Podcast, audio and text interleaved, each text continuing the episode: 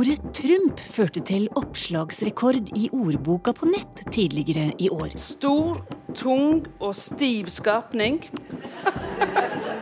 Eigen og tverr. Men hva betyr egentlig navnet til den amerikanske presidenten?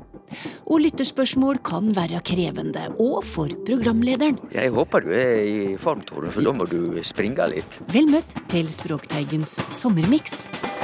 Vi starter med noe av det vanskeligste i språket vårt, nemlig faste uttrykk. Vi sliter med å få dem riktig, noe som gjerne skyldes at vi ikke vet opprinnelsen til uttrykket.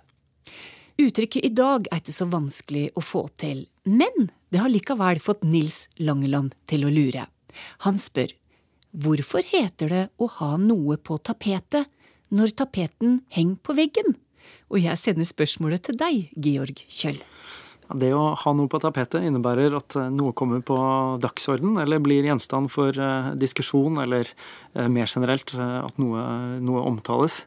Og det gir ikke sånn veldig mye mening det å putte noe på et tapet for å, for å bringe det på dagsorden. Men hvis vi tenker etter og begynner å undersøke på opphavet til det ordet, så ser vi at det dreier seg egentlig ikke om tapet, men et annet ord som, som ligner, nemlig teppe. Eh, og dette er et uttrykk som finnes eh, i litt ulike varianter på, på flere europeiske, vesteuropeiske språk. Da. Eh, og på fransk snakker man om at man kan mettre sur le tapis, som er da å faktisk legge noe på teppet. Tapis skrives med T-A-P-I-S, så det er også da det samme, samme, ordet som har gitt opphav til både teppe på norsk og, og tapet så dette ordet har gjennomgått eh, en betydningsendring, ettersom det har reist litt mellom tider og eh, interiør i, i ulike hjem har forandret seg. Så har det også da begynt å få litt forskjellige bruks, eh, bruksområder. Tidligere, helt i, helt i, de første variantene av, eller de første brukstilfellene som vi kjenner til, så var det snakk om bordløpere eller matter eller tøystykker som man rett og slett brukte til dekor. Mm. Og da eh, var det veldig naturlig at hvis man skulle ha noe på agendaen, så var det der det havnet. Da, på, på, bordet og på, og på bordløperen på, mm. som eh, lå på toppen. Så eh, Sånn sett har du fått, at, eh, fått, et uttrykk som handler om å ta opp noe, eller å legge noe på, legge noe på eh, møteagendaen. Ja.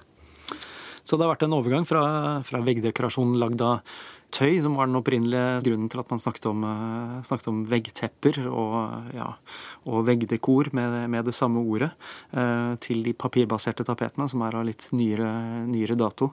Eh, men av en eller annen grunn så, så har man begynt å bruke det samme opprinnelige ordet til begge deler, og så har det forandret seg litt over tid. Så vi har også andre eh, uttrykk som handler om eh, teppe da, på norsk. Og da kan vi også se at det kommer fra litt samme, samme kilden. Så vi snakker om å kalle noen inn på teppet, f.eks. Ja. Og da var det teppet som lå inne på, i værelset til den fornemme personen man skulle inn og få en reprimande av, som er, den, eh, som er betydningen av det uttrykket. Og vi snakker også om Vi bruker også litt teatermetaforer for, i ulike uttrykk, som at, noe, at det er et teppefall, f.eks. Ja. Eller at teppet går opp eller ned for noe. Og da er det sceneteppet som, eh, som det er snakk om. Ja. Så teppet er utgangspunktet for alle disse uttrykkene her? Ja, det er det i uh, ulike former og, former og fasonger. Uh, så her er det kanskje mer kulturhistorie enn språkhistorie som er, er kilden til uh, kunnskapen. det er mye interessant å si. og undersøke om hvordan, eh, ja, hvordan disse, denne type dekk har spredt seg, hvordan det har eh, også gitt opphav til ulike uttrykk og ord i norsk og andre, andre europeiske språk. Både språk og litt kunsthistorie der, fra lingvist Georg Kjøll. Neste spørsmål går til Toril Oppsal, og det er fra Tore K. Aalberg. Han skriver jeg ser at på bokmål er adferd og atferd sidestilt. Det samme gjelder adkomst og atkomst. Men hvorfor bare adgang?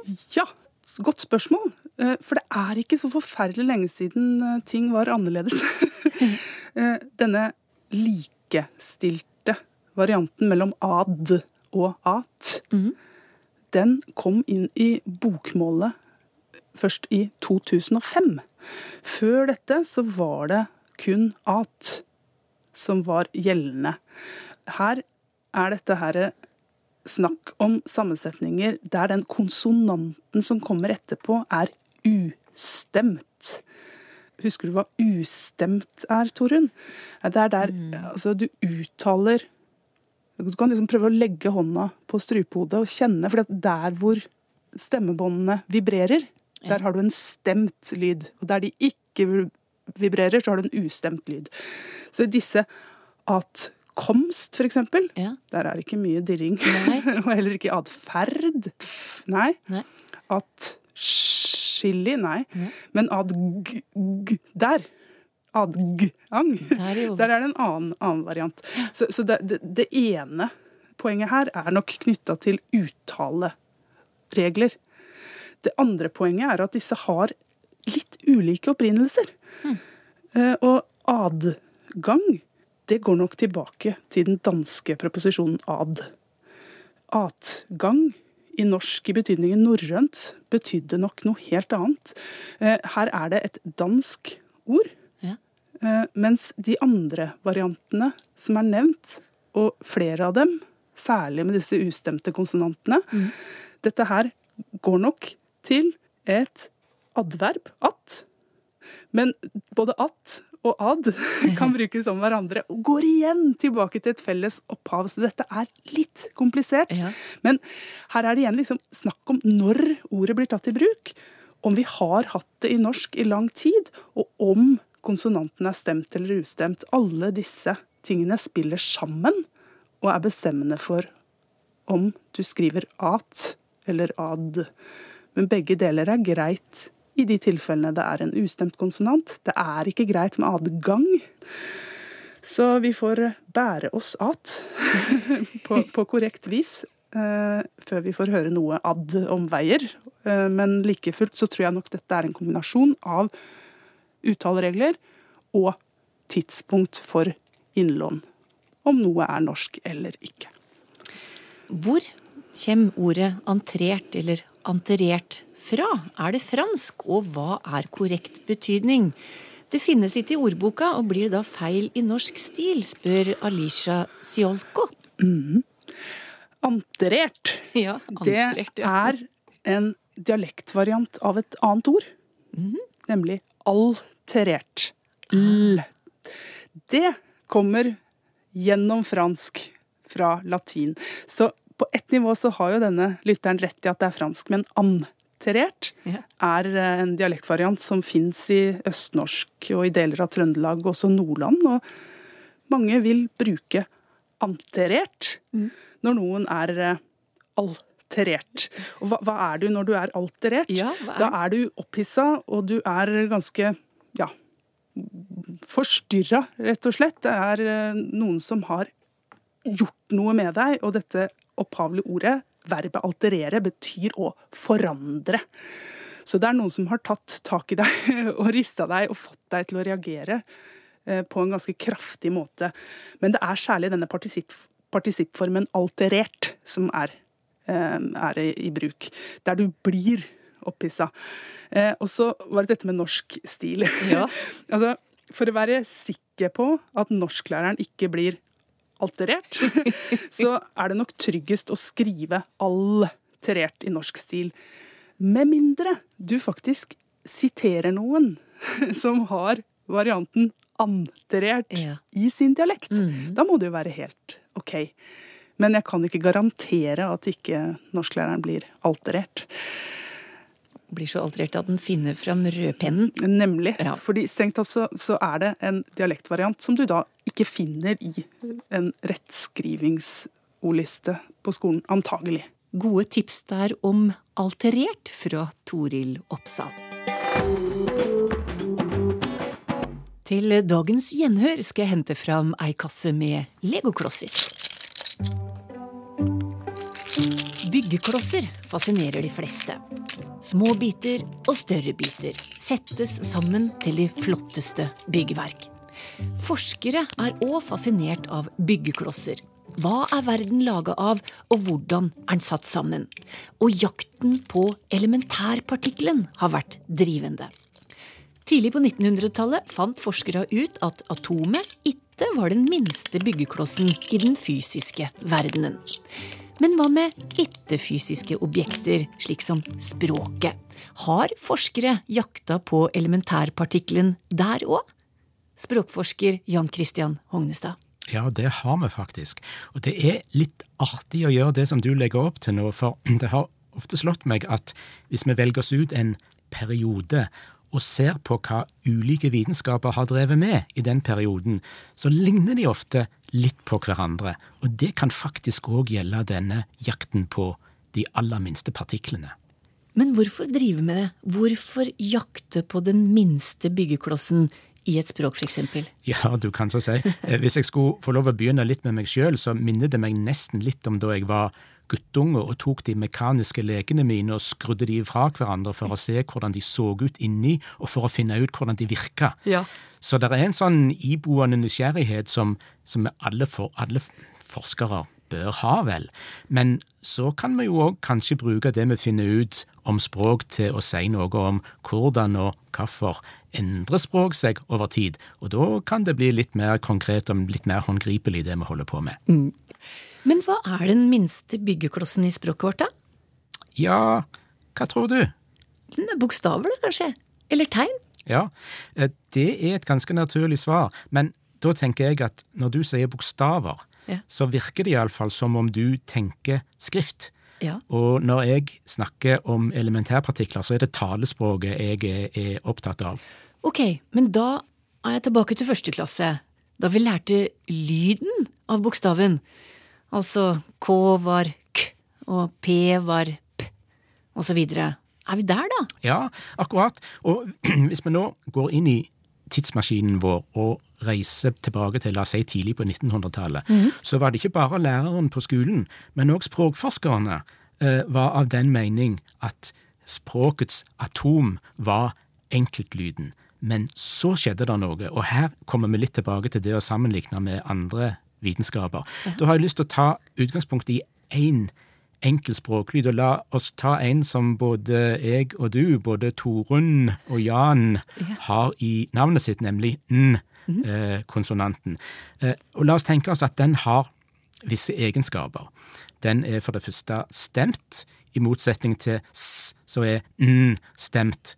Eh, og så er han nasal, det betyr at lyden eh, og lufta går ut eh, gjennom nesen.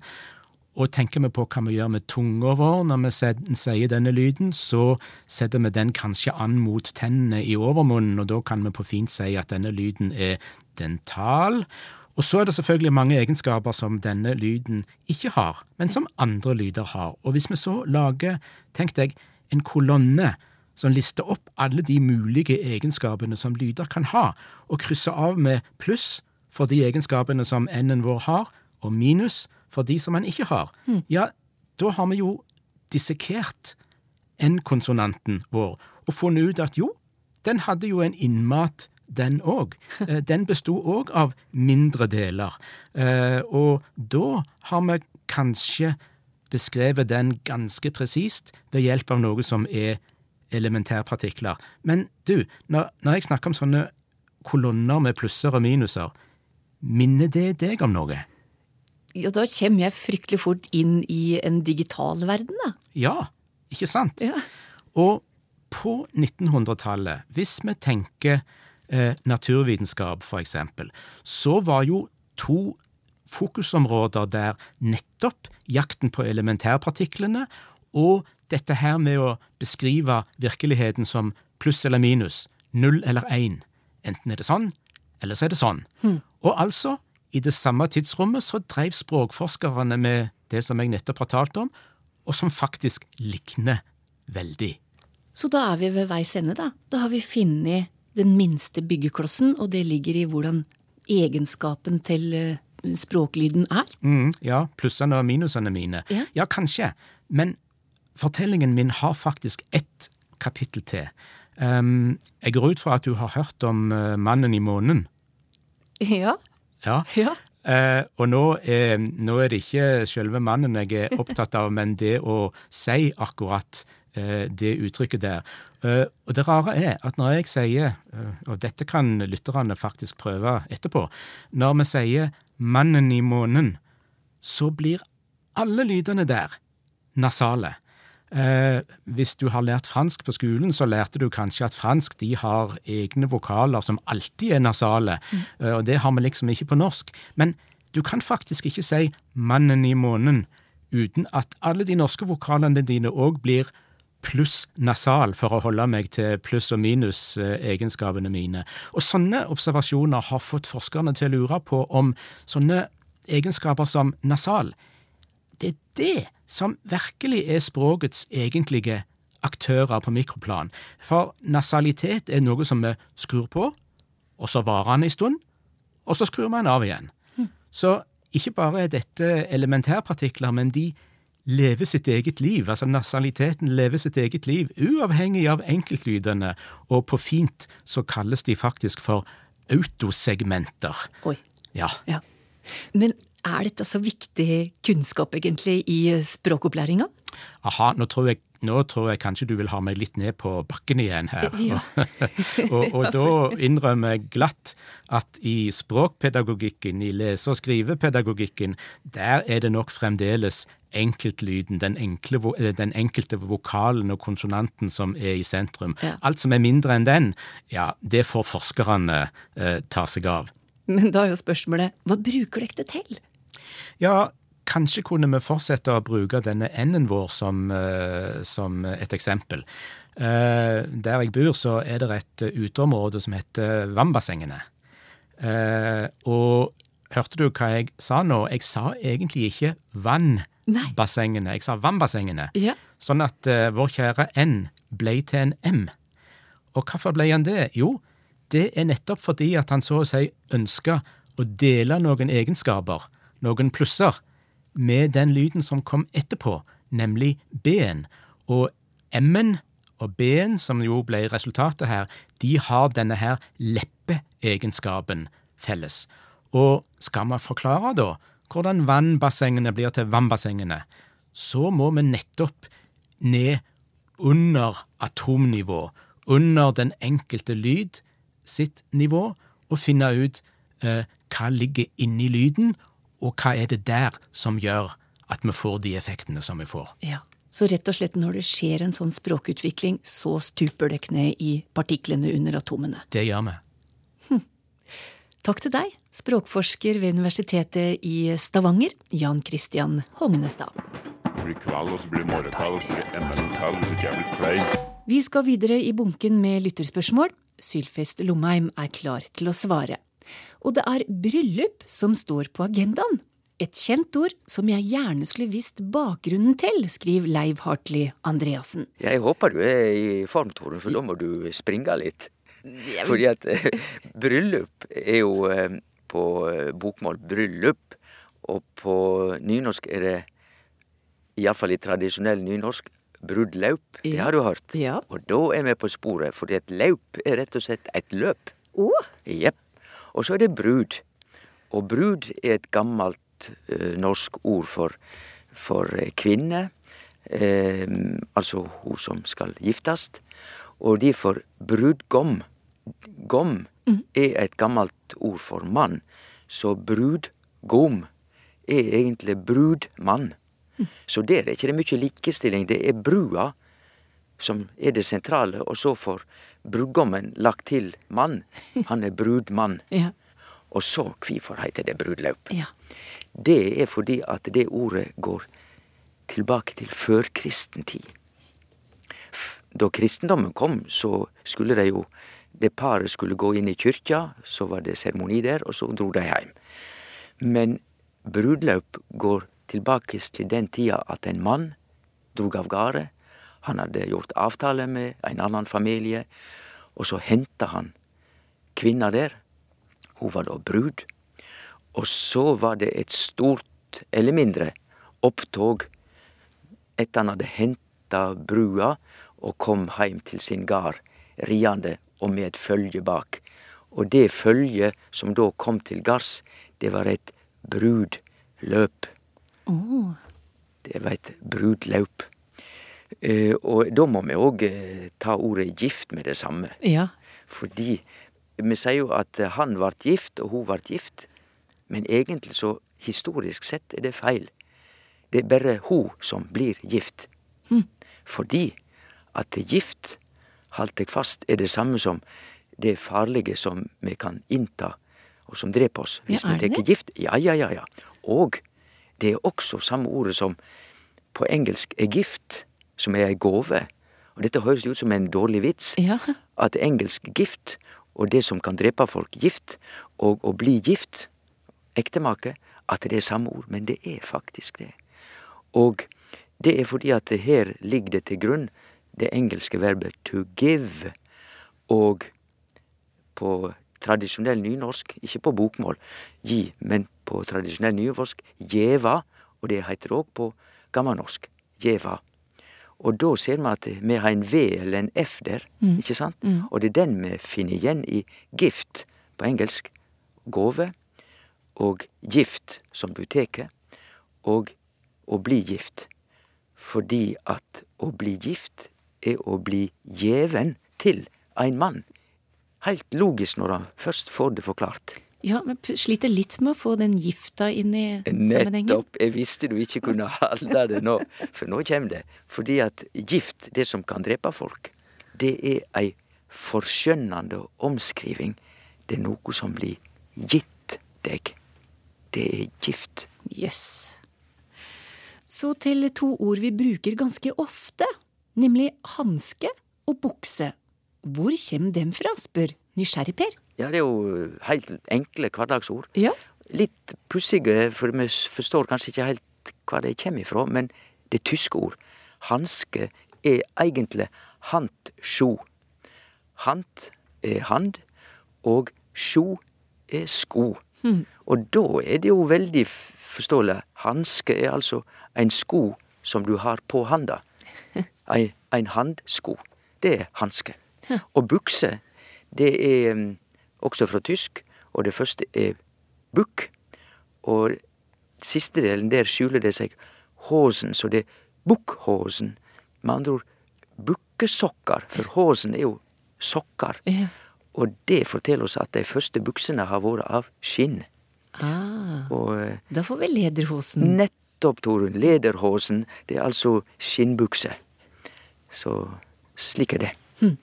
Og fra Sylfest Lomheim skal vi videre til dialektord, og da er det Tor Erik Gjenstad som sitter klar.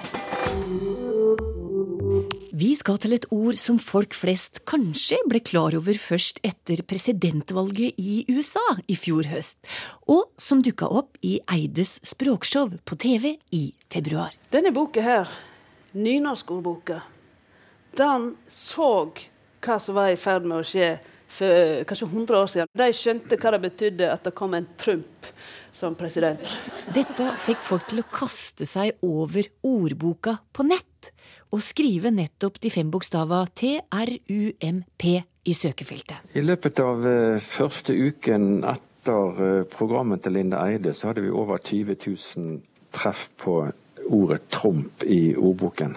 Noe som er et svært høyt tall. Vi har ikke sett noe lignende. Sier Halstein Mjelde, som er prosjektleder for IT-delen av Norsk ordbok ved Universitetet i Bergen. Og hva sier ordboka om Trump? Stor, tung og stiv skapning.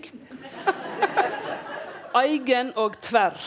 Dette ordet Trump, eller Trump, fikk Hans Bjerke til å tenke på et gammelt dialektuttrykk fra Valdres, nemlig trumpin. Han er så trumpin, kunne de si der. Kan Språkteigen si noe mer om opphavet til ordet, og hvor gammelt det er, spør han. Nei, det, det går nå vidt ikring den her stammen, ja, tromp, eh, som du har i adjektivet trompin eller trompete. Altså tverr og, og, og sur, kanskje. Og du har verbe og trompe. trompe. Uh, og, og du har en tromp som substantiv. Når du går på substantivet, så betyr det både en som eh, skal trompe gjennom sitt, men også en uh, som er kort og tjukk og rund eh, person. Det der finner du òg i svenske målføre, du finner det i engelske dialekter. Eh, Det finnes beslekta ord, men det er ikke noe direkte gamle kilder. Hans Ross, 1895, norsk ordbok, er den eldste norsk kilda. Men det kan jo kanskje henge sammen med å trampe, antyda ordbøkene, da. Mm. Så det, hvor, akkurat hvor gammelt er det, er litt vanskelig å si, men det må nå ha en viss alder når det er belagt uh, såpass mange beslekta nabospråk. Mm.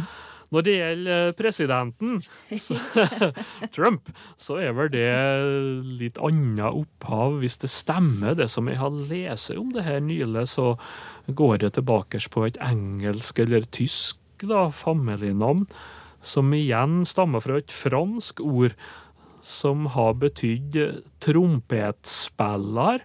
Eh, eller trompeter, da. Mm. Eller trompetmaker. Så det er vel snakk om en forfader eller en anefar som har hatt noe med trompeter å gjøre. Og kanskje det passer ganske bra, det òg. Vi skal til nok et litt negativt lade ord som brukes om personer, nemlig ordet føddug. Det brukes i Vest-Telemark, skriver Ingjerd Ellingsen, men hvor negativt er det, og hva kommer det av, spør hun. Ja, det er nok ei utvikling av ordet forlåg, som betyr for det første da føderåd eller kår. Ja. Og det uttaler føddog og lignende nettopp i Vest-Telemark og Setesdalen og flere plasser i Agder. da. Så det er altså føderåd, og så er det jo da en person som har uh, forlåg eller kår, altså en, en kårmann, da, mm. eller kårkjerring. Og så hadde det tydeligvis da gått litt videre i betydning, i negativ betydning, da, altså en person som er skral, arbeidsofør, og som trenger hjelp og forsørging av andre. Ja, Det er belagt fra Telemark, også om eh, altså, fattiglem, eller legdslem, som de har i gamle dager. Det kunne jo bli kalla en foddog. Men det er slik et hjelpeløst menneske, og da blir det jo ganske negativt. Men utgangspunktet er kåret, altså. Og eldre folk da som, som kom på kåret. Så det har vært eh, på et vis degradert. Jeg tror kanskje at at de ha, kan ha god respekt for kårfolket, men det varierte jo sikkert. og Iallfall så var de jo ikke i full fyk lenger, da, som regel. Så det er jo ikke så uh, unaturlig at det kan få en slik betydningsutvikling. Mm. Tor Erik Gjenstad svarer på dialektspørsmål i Språkteigen. Og med det var vi ved veis ende. Takk for i dag.